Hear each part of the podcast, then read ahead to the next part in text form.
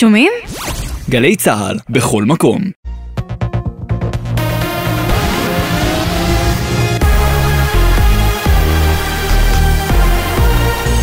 גלי צה"ל ערב טוב, השעה שבע, באולפן יובל גנור עם מה שקורה עכשיו.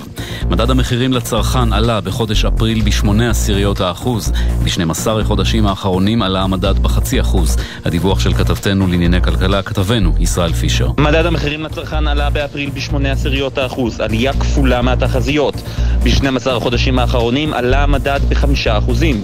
נתוני הלשכה המרכזית לסטטיסטיקה שפורסמו היום אינם כוללים את עליות המחירים שנרשמו במאי, והם עשויים להוביל להעלאת ריבית נוספת על ידי בנק ישראל בעוד שבוע. מתחום הדיור נרשמה יציבות, בחודשים פברואר-מרס נשארו מחירי הדיור הדירות בלי שינוי, הדיווח של כתבתנו עינב קרנר. מחירי העסקאות שבוצעו בין החודשים פברואר עד מרס לעומת החודשיים הקודמים נותרו ללא שינוי. עם זאת, מחירי הדירות החדשות עלו בעשירית האחוז. בהשוואה למחירי הדירות בשנה שעברה נרשמה עלייה של 11 אחוז. על פי נתוני הכלכלנית הראשית באוצר, במהלך חודש מרס חלה ירידה של יותר מ-45% בהיקף העסקאות. ראש עיריית תל אביב-יפו רון חולדאי מזהיר כי חוק הארנונה שהממשלה מקדמת יעניק כספים לעיריות עניות על ידי הפיכת עיריות נוספות לעניות. לדבריו הממשלה בוחרת בדרך הקלה במקום להביא יוזמות חדשניות לשולחן. ראשי הרשויות המקומיות צפויים להיפגש בשעה הקרובה ולהחליט על המשך המאבק והשביתה נגד חוק הארנונה.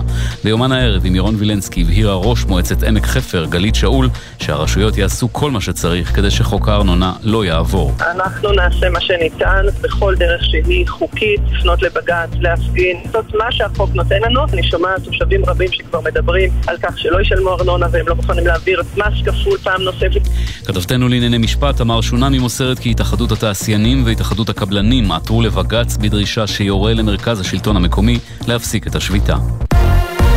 בית המשפט המחוזי בירושלים גזר ארבע שנים וחצי מאסר על מוחמד חלף שביצע לפני שנתיים לינץ' באלי רוזן בשכונת שייח' ג'ראח בעיר. הדיווח של כתבתנו בבירה נועה ברנס. מוחמד חלף הורשע בביצוע לינץ' באלי רוזן וירצה כארבע שנים וחצי במאסר. עמו פורעים נוספים תקפו את רוזן לפני כשנתיים באכזריות ובעוצמה. רוזן נחבל רבות בכל חלקי גופו. בית המשפט המחוזי בירושלים הרשיע אותו בביצוע חבלה בכוונה מחמירה בנסיבות של מעשה טרור. בפרקליטות ציינו כי הנאשם לא נטל אחריות על מעשיו. המועצה הדתית בתל אביב החליטה להקצות מתקציבה לעמותת בת קול, עמותת נשים להט"ביות דתיות. במכתב ששיגר לעמותה כתב ראש המועצה הדתית כי הפעילות שהעמותה מקיימת בבתי הכנסת תורמת להעשרה תורנית של חיי הקהילה בתל אביב. כתבנו יואל עברי מציין כי זו הפעם הראשונה שמועצה דתית בישראל מתקצבת ארגון להט"ב דתי. תחזית מזג האוויר לסיום, מחר התחממות ניכרת. אלה החדשות.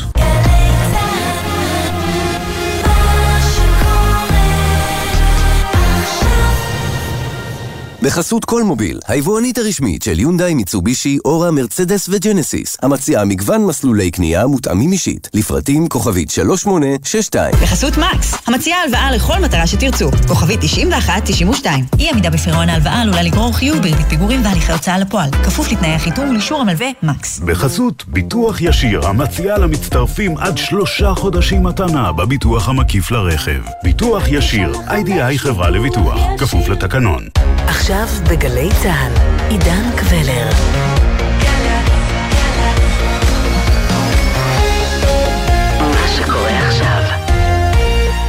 שביתת ראשי הערים אל מול הממשלה בנושא קרן הארנונה מזכירה לנו את המחאה של השלטון המקומי אל מול הממשלה בינואר על חיובם לתקצב גם בתי ספר בלתי מפוקחים בתחומם. אנו מביאים לכם בשידור חוזר את תוכנית 360 ביום, כפי ששודרה ב-10 בינואר 2023, על המתח בין השלטון המקומי לשלטון המרכזי בישראל. שלום לכם, מאולפן 360 ביום, ההסכת היומי של גלי צה"ל.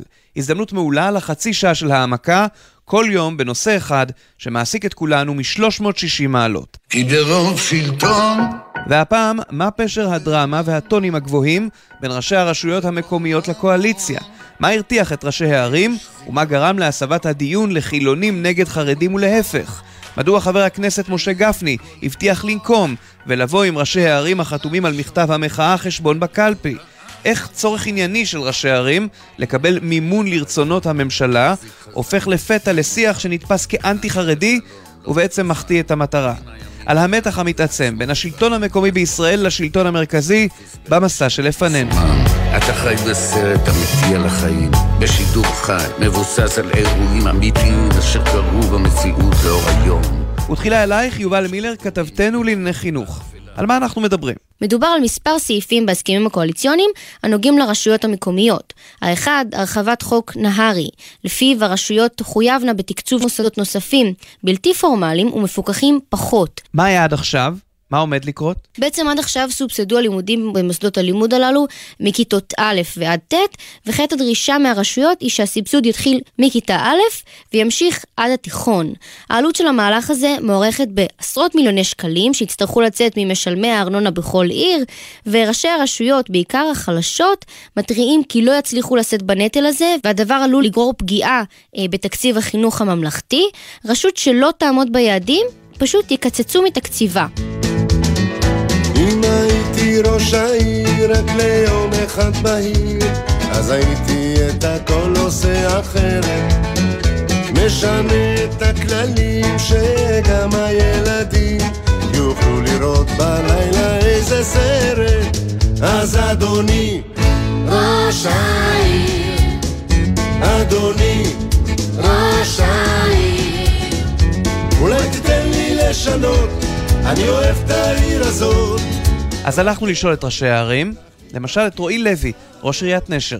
הם אומרים לנו, אנחנו נחליט את מי תתקצבו ואיך תתקצבו אותם. עכשיו להכניס את זה רק לקונטקסט, בעצם יש בתי ספר מוכרים שאינם רשמיים, ומדינת ישראל לא מתקצבת אותם, לא רק בחינוך החרדי.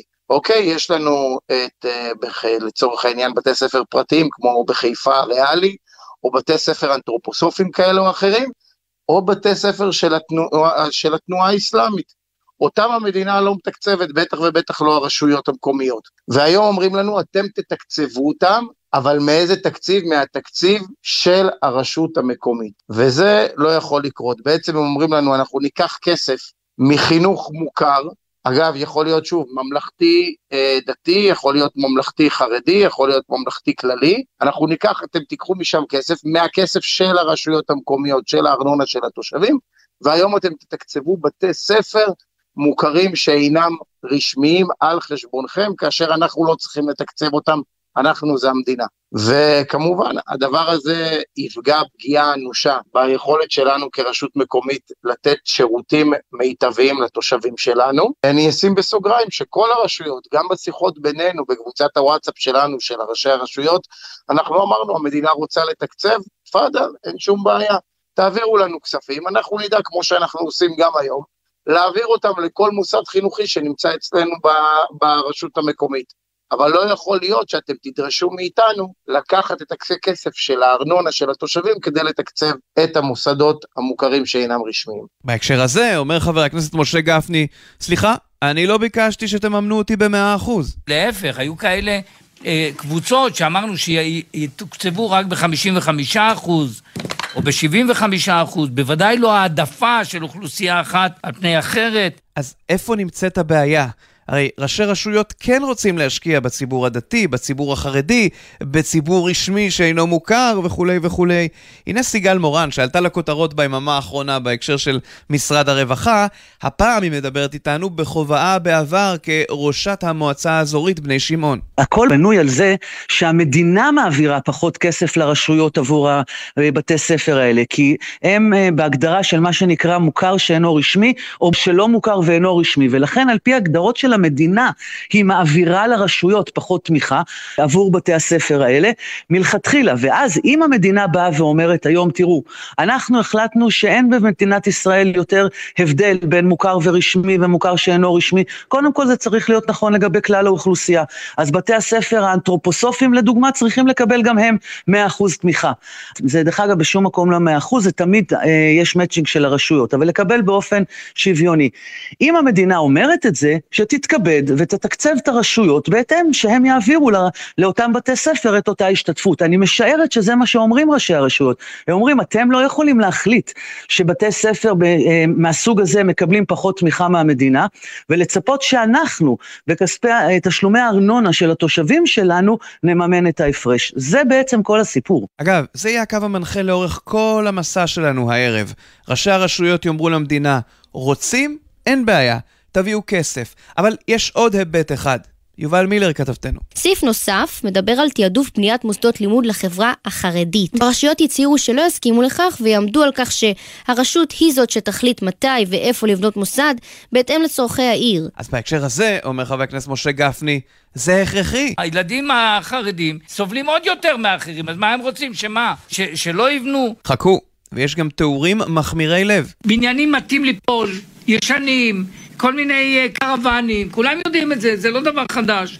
אז הם באים ואומרים שאנחנו לא נסכים שיבנו על חשבון התושבים. מה זה על חשבון התושבים? הילדים האלה הם לא התושבים שלכם, אתם לא צריכים לדאוג לכם, להם, אתם הייתם צריכים לברך אותנו על העניין. ועדיין, טוענים ראשי הרשויות, אנחנו יודעים הכי טוב מה קורה בשטח שלנו. אל תתערבו בהחלטות המקצועיות, גם בנושא הבינוי. ראש עיריית נשר, רועי לוי. אנחנו בדרך כלל מקבלים את ההחלטות לפי הצרכים שיש לנו ברשויות שלנו, איזה בית ספר לבנות והיכן, כמובן צריך בשביל זה קרקע. באה היום הממשלה ובעצם אומרת, תשמעו, אנחנו מפקיעים מידיכם את יכולת ההחלטה, אנחנו נגיד לכם היכן לבנות את מוסדות החינוך ואיזה סוג של מוסד חינוכי. ועל כך בעצם אנחנו מתרעמים. לוח וגיר, מפה על הקיר, מחברת יומן וצלצול. שהייתה מורה מצטרפת לדברים הללו סיגל מורן, מי שהייתה ראש המועצה האזורית בני שמעון ואומרת, אני בניתי בלי שיכריחו אותי. אני אצלי במועצה, מועצה שהיא חילונית uh, במהותה, קלטנו את uh, קהילת עצמונה מגוש קטיף, קהילה חרד"לית. Uh, אני, אחד הדברים שהייתי מאוד גאה עליהם, שהקמתי ישיבה תיכונית ביחד איתם. רק צריך לדעת שביישוב בשומריה יש תלמוד תורה ובית ספר לבנות, ואנחנו תקצבנו אותם כמו שתקצבנו את בתי הספר האחרים, אבל צריך לדוגמה לדעת שאת הסיפור של תשלומי הורים. ברשות, מה שנקרא בחינוך הממלכתי, המדינה מגדירה בדיוק כמה מותר לרשות לגבות, ו- וזה סכומים זעומים. עכשיו, אם אני הייתי גובה שקל אחד יותר אה, מההורים עבור איזשהו דבר, איזושהי פעילות בחינוך הממלכתי, הורה פונה מיד למשרד החינוך, ומשרד החינוך מיד עליי. מאידך, בחינוך הדתי, אה, בח- ב- אה, בעיקר במוכשר, בבלתי, במוכר שאינו רשמי, אין שום פיקוח ושום בקרה ושום, אה, אה, בין, אני לא יודעת אפילו אם יש קריטריונים לכמה מותר אה, לגבות מהורים. רגע, זה לא נגמר בכך. יש גם סעיף נוסף. הנושא השלישי שנכנס לסערה הוא חבר הכנסת אבי מעוז. הרשויות מצהירות כי לא ייתנו יד לפגיעה באוטונומיה שלהם, כלומר התנגדות למינויו של חבר הכנסת מעוז כאחראי על הגפן, על התוכניות החיצוניות בבתי הספר. יובל מילר כתבתנו. אבל לעניין הזה אומר משה גפני, חבר'ה, אני לא קשור לזה. לא אני ולא קהל הבחירה שלי. זה לא מגיע לילדים החרדים, מדובר על שתי מיליארד שקל, שלא נמצאים, לא נמצא בכלל בתקציב של החינוך החרדי. אז גפני אומר שזה לא קשור אליו, אבל נדמה לי שראשי הרשויות לא מסכימים על העניין עצמו, על העיקרון, על תוכנית גפן, שעליה כבר עשינו תוכנית נרחבת בעבר. רועי לוי, ראש עיריית נשר, טוען שגם עניין גפן, אבל גם העניינים הנוספים, כולל פשוט פירוק אחד גדול. רוצים לקחת מהמנהלים של בתי הספר, שהם המומחים הגדולים ביותר לאוכלוסייה שיש להם, ואומרים להם, אנחנו נחליט עבורכם איזה תוכניות לימוד אתם תלמדו. יש כאן איזשהו תהליך התפרקות מאוד מאוד לא טוב של משרד החינוך, שזה משרד הכי חשוב ולדעתי בכל אופן במדינת ישראל. יש כאן תהליך של התפרקות שלו, מנסים לפרק אותו מהנכסים שלו. אגב, אני לא יודע איך הם רוצים לבנות כל כיתות לימוד אה, למגזרים נוספים, כאשר רק אצלנו במגזר הכללי חסרים כששת אלפים כיתות לימוד ברגע זה שאנחנו מדברים. משהו שם ומישהו שמה היה נמהר לדעתי ופזיז מדי בהחלטות ובגביית המסמרות. אז שמתם לב שבחלק הזה, הראשון של התוכנית שלנו, הלכנו צעד צעד.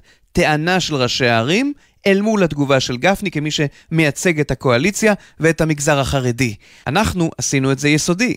הפוליטיקאים מיהרו להתלהם, כמו למשל ינון אליהו מש"ס. אתה תראה את אותם ראשי רשויות שחתומים פה, עוד פחות משנה שנת בחירות, הם יבואו על ארבע לחרדים ש... שעזרו להם. הרי אנחנו יודעים איך זה הולך, הם באים ופתאום יגידו, אנחנו דואגים בעיר שלנו לכל החררדים. כולם שוויוניים, כולם בסדר, זה בסדר. הם חושבים להשתמש בנו רק, תבין, אנחנו טובים להם בדפים האלה שאנחנו מכניסים לקלפי בפתקי הצבעה, שם אנחנו טובים להם. שמעתם את גפני מנסה לומר, אני הולך לקיים מסיבת עיתונאים? אז הוא קיים מסיבת עיתונאים, ואנחנו מתנצלים מראש על איכות ההקלטה. שנותנים לנו סטירה כזאת מצלצלת, לא נגיש את הלחי, השנייה. ומי שנמצא פה ונשאר חתום על מכתב כזה שהוא חמור מכל בחינה אפשרית, אנחנו נבוא איתו חשבון. אז גפני מבטיח לנקום בקלפי, יובל מילר כתבתנו, ראשי הערים לא נרתעים. אמש הגיבו במרכז השלטון המקומי לאיומים של גפני, והצהירו כי הם לא מתרגשים מאיומים כאלה, וממשיכים במאבק. הם אפילו שוקלים גם להחריף אותו. אבל יש מי שכן התרגש. הנה יאיר רביבו, ראש עיריית לוד, כך הוא נשמע הבוקר אצל יניר קוזין ואמיר בר שלום. המכתב עצמו הובן כמכתב מאוד מאוד אנטי חרדי, סקטוריאלי, לא ניתן, לא נאפשר. אנחנו בקרב קבוצת ראשי ערים אמרנו, אפשר היה לעשות את, אותה, את אותו מכתב בלי לציין שכביכול עולה ניחוח, ובואו נשים את הדברים על כן, השולחן. אבל- חלק, חלק מראשי הערים הם גם כאלה שאולי מזוהים עם, ה, עם הממשלה היוצאת, ואז אומרים, רגע, זה הזמן לנגוח. אני לא מתכוון לנגוח, בטח לא את הממשלה שאני שותף לה, אני בכיר בליכוד, אני שותף, אני מסכים מאוד בדרך עם השותפים הקואליציוניים שלנו. אם אנשים אומרים לי שנפגעו ממכתב שלי, אז אני לא שם. במקום מרחוק, קרוב לכאן, אספנו את עצמנו,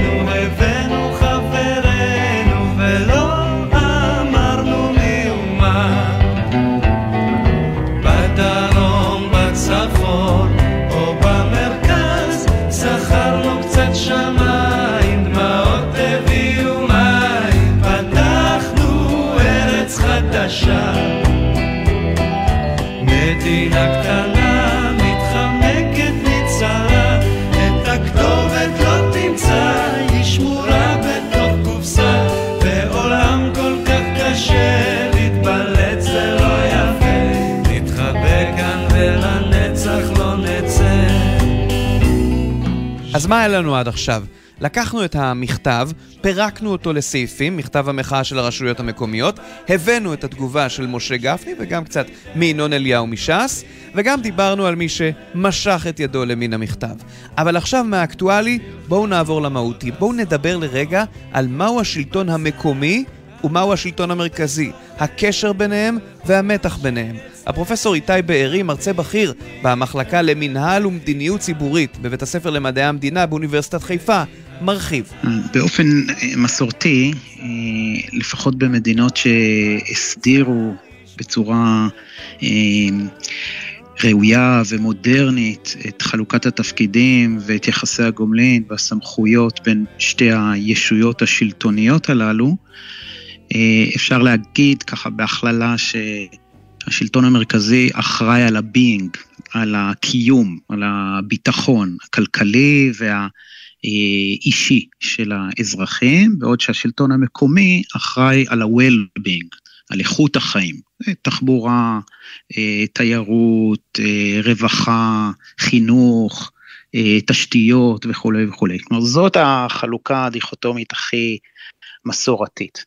השלטון המקומי יש לו את הסמכות כשלטון לחוקק חוקי עזר עירוניים, לגבות מיסים, אה, לחולל מדיניות ציבורית, אבל לא במישור הלאומי, כלומר לא אל מול ישויות מדינתיות אה, אחרות.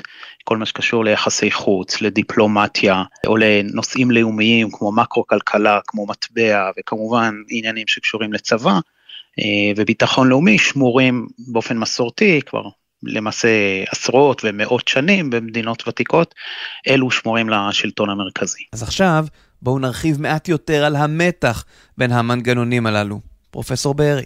אנחנו בעצם רואים uh, תהליך, איזושהי דינמיקה מאוחרת, שאפיינה הרבה מאוד מדינות דמוקרטיות uh, לפני 30-40 שנה. אנחנו פשוט באיחור, אבל עוברים תהליך דומה, שבו השלטון המקומי זועק, דורש, וגם uh, מגיע להישגים ומקבל יותר ויותר סמכויות, אחריות ותקציב. זה דבר שאפיין הרבה מאוד uh, מדינות מערביות, שהכירו ביכולת, במסוגלות, בכישורים של השלטון המקומי לנהל את המרחב, לנהל את החיים האזרחיים. אה, בישראל התהליך הזה איחר להגיע, אה, בגלל עודף, הייתי אומר, ריכוזיות, הרבה מאוד אגו. אה, אנחנו יודעים שבישראל השלטון המרכזי מאופיין בהרבה מאוד ריכוזיות. ומה שבעצם קרה במשך הרבה מאוד עשורים, שהשלטון המקומי למד להסתגל לסיטואציה הזאת, הוא שרד והוא מצא לעצמו דרכים. אז השלטון המקומי אולי מצא דרכים, אבל עדיין יש בעיה אחת מאוד מאוד גדולה, חוסר היציבות.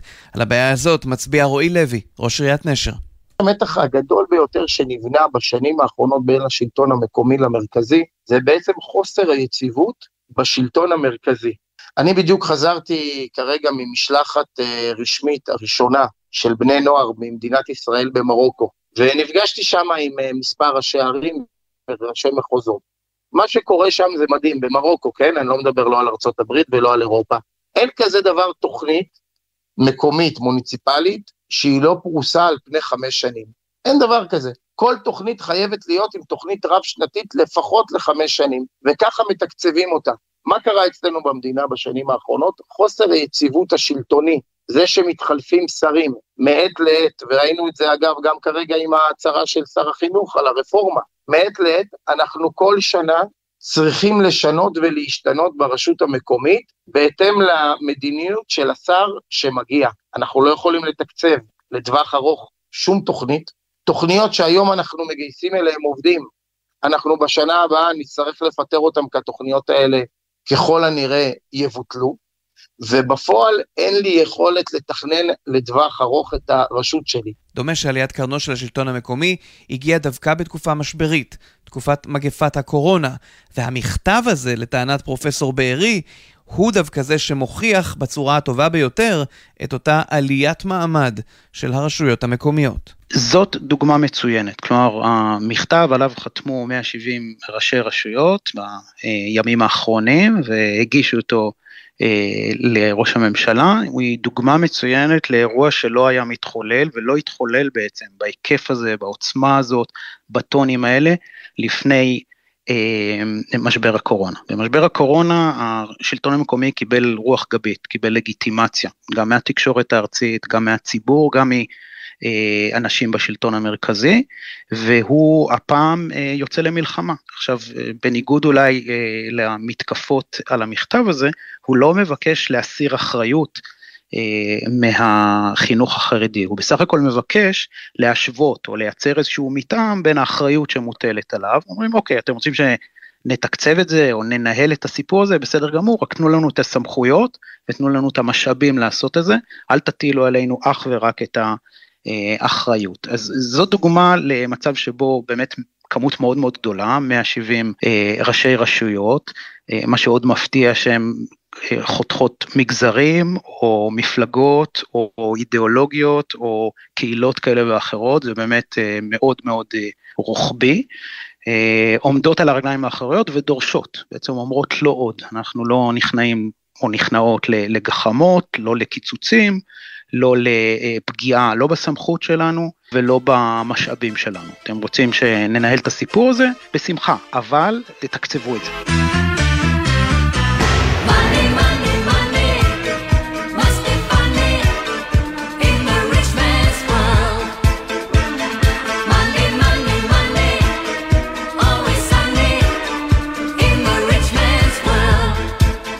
ויש עוד זווית, כפי שמוסיף ומחדש הפרופסור איתי בארי. המרחב המקומי הוא כבר לא עשוי אה, מקשה אחת, כלומר זה כבר לא רק שלטון מרכזי ומקומי, בעצם יש לנו שחקן או ישות נוספת שזה הממשל האזורי. הממשל האזורי, האזוריות, היא בעצם הזרוע הארוכה של השלטון המקומי. אה, זה אותה יכולת של ראשי רשויות ושל רשויות מקומיות להתקבץ ביחד, לקחת אחריות, לנהל את המרחב בהרבה מאוד סוגיות שהן אה, חוצות גבולות מוניציפליים.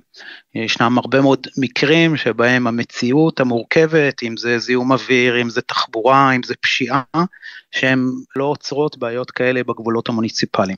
ולכן יש יותר ויותר מקום, אה, גם בעולם, גם במדינות ה-OCD וכמובן גם בישראל, אם כי תמיד מאוחר יותר, אה, איחור של בין 10 ל-30 שנה, ליותר ויותר אה, שותפויות, אה, אם זה בצורת האשכולות, אם זה בצורות אחרות, אבל בעצם גם השלטון המקומי, הרשות המקומית, גם המדינה מכירות בכך שהרבה מאוד פעמים הרשות המקומית היא קטנה מדי והמדינה היא גדולה מדי בשביל לטפל בבעיית רוחב, ואז יש מקום אה, לאותן התאגדויות, והכוח האזורי, שהוא כלי בידי הרשות המקומית, כן, הממשל האזורי הוא לא גוף נבחר, אבל הוא כלי בידי ראשי רשויות לפעול באופן מרחבי, באופן אזורי, בשיתוף פעולה, בשביל לקדם את האינטרסים שלהם, של התושבים שלהם, של הקהילות שחיות באותם מרחבים.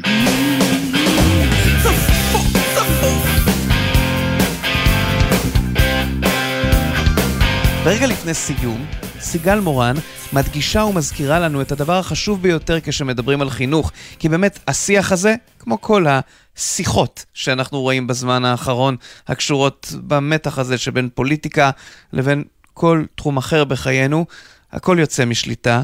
אז סיגל מורן אומרת לנו, כשמדברים על חינוך, הילדים של כולנו והתרבות שאנחנו מטמיעים בהם ניבטים לעיני כל. צריך לזכור שהילדים אה, צופים בנו, צופים בכולנו. ואני אומרת שוב, אפשר לנהל ויכוח, אפשר לא להסכים, אפשר שיהיו אה, חילוקי דעות. אסור, אסור לנהל את הדברים בצורה הזאת. ראשי ערים, זכותם וחובתם למחות בצורה מכובדת על דברים שהם חושבים שחשובים לאזרחים שלהם, לתושבים שלהם. בשביל זה התושבים שלהם בחרו אותם. צריך לזכור שבחירות לראשי ערים הן בחירות ישירות, להבדיל מהמדינה.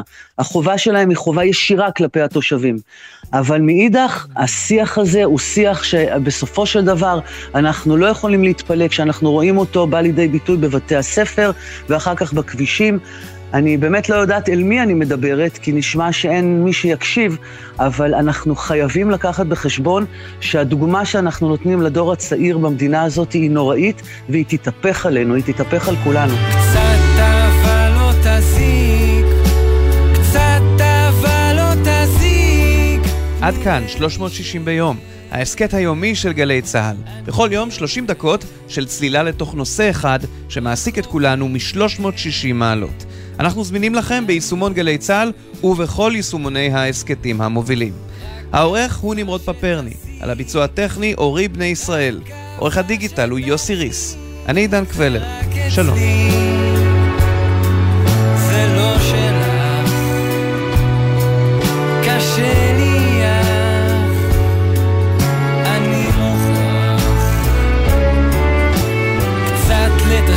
לטשטש את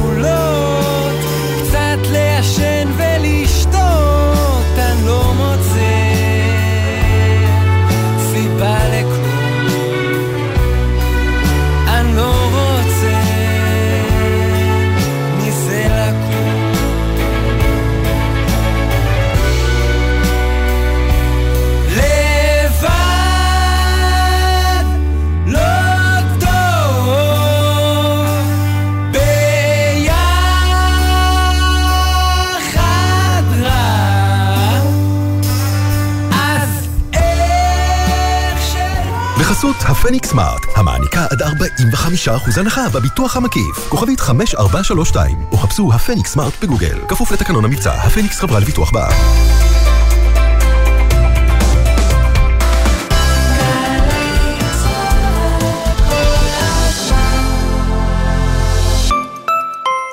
הידעתם? אחד מאלפיים תינוקות ייוולד עם שן בפה. יש דברים שפחות חשוב לדעת לקראת השחרור, אבל יש דברים שהופכים ידע לכוח. למשל, זימון לכנס המשתחררים של צה"ל בשיתוף האגף והקרן. אז אם נשארו לכם פחות משלושה חודשים לשירות ועדיין לא קיבלתם זימון, בקשו אותו עוד היום מהשלישות. במבצע לעמיתי מועדון חבר. נירו החדש, סלטוס החדש, ספורטאז', פיקנטו ויתר דגמי קיה עכשיו בתנאים בלעדיים לעמיתי מועדון חבר. עד שישה ביוני, לפרטים כוכבי 9920 או באתר מועדון חבר. חבר זה הכל בשבילך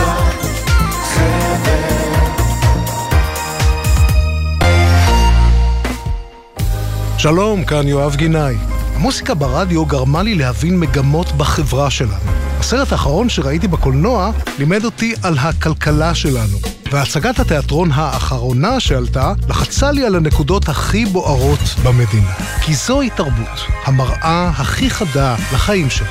ולכן, בכל שישי בבוקר אני שואל, מה יהיה בתרבות? מה יהיה עם יואב גינאי? שישי, תשע בבוקר, גלי צה"ל.